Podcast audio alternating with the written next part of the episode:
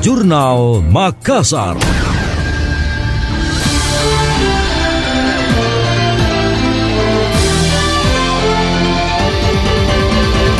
Tender investasi proyek pengelolaan sampah berbasis energi listrik atau PSL di Makassar memasuki tahapan akhir.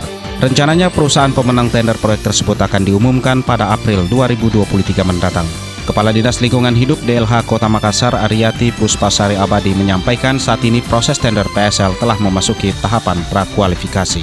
Sebanyak 36 calon investor yang telah mendaftar bakal dievaluasi kelengkapan dokumennya. Rinciannya perusahaan tersebut yaitu 12 asing dan 17 perusahaan modal dalam negeri atau BMDN. Puspa menambahkan setelah penetapan pemenang masih ada tahapan bagi investor yakni visibility study atau studi kelayakan. Setelah itu masih ada proses koordinasi dengan pemerintah pusat terkait kerjasama dan jaminan pembelian listrik bersama PLN termasuk typing fee. Adapun kebutuhan biaya layanan pengelolaan sampah BLPS juga akan ditinjau.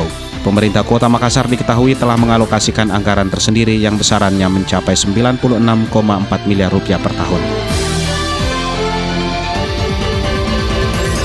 Pemerintah Kabupaten Jombang, Jawa Timur mengaku tertarik meniru program lorong wisata Longwis Kota Makassar. Hal itu disampaikan Wakil Bupati Jombang Sumramba saat melakukan studi komparasi di Balai Kota Makassar.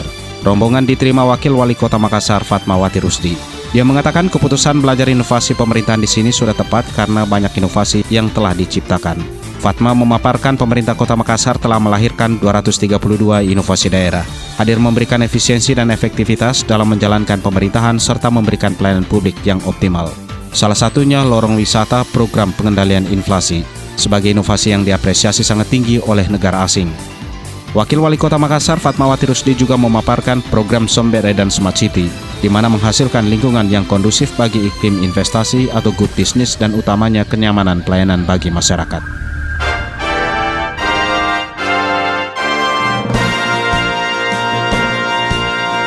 Demikian tadi, Jurnal Makassar.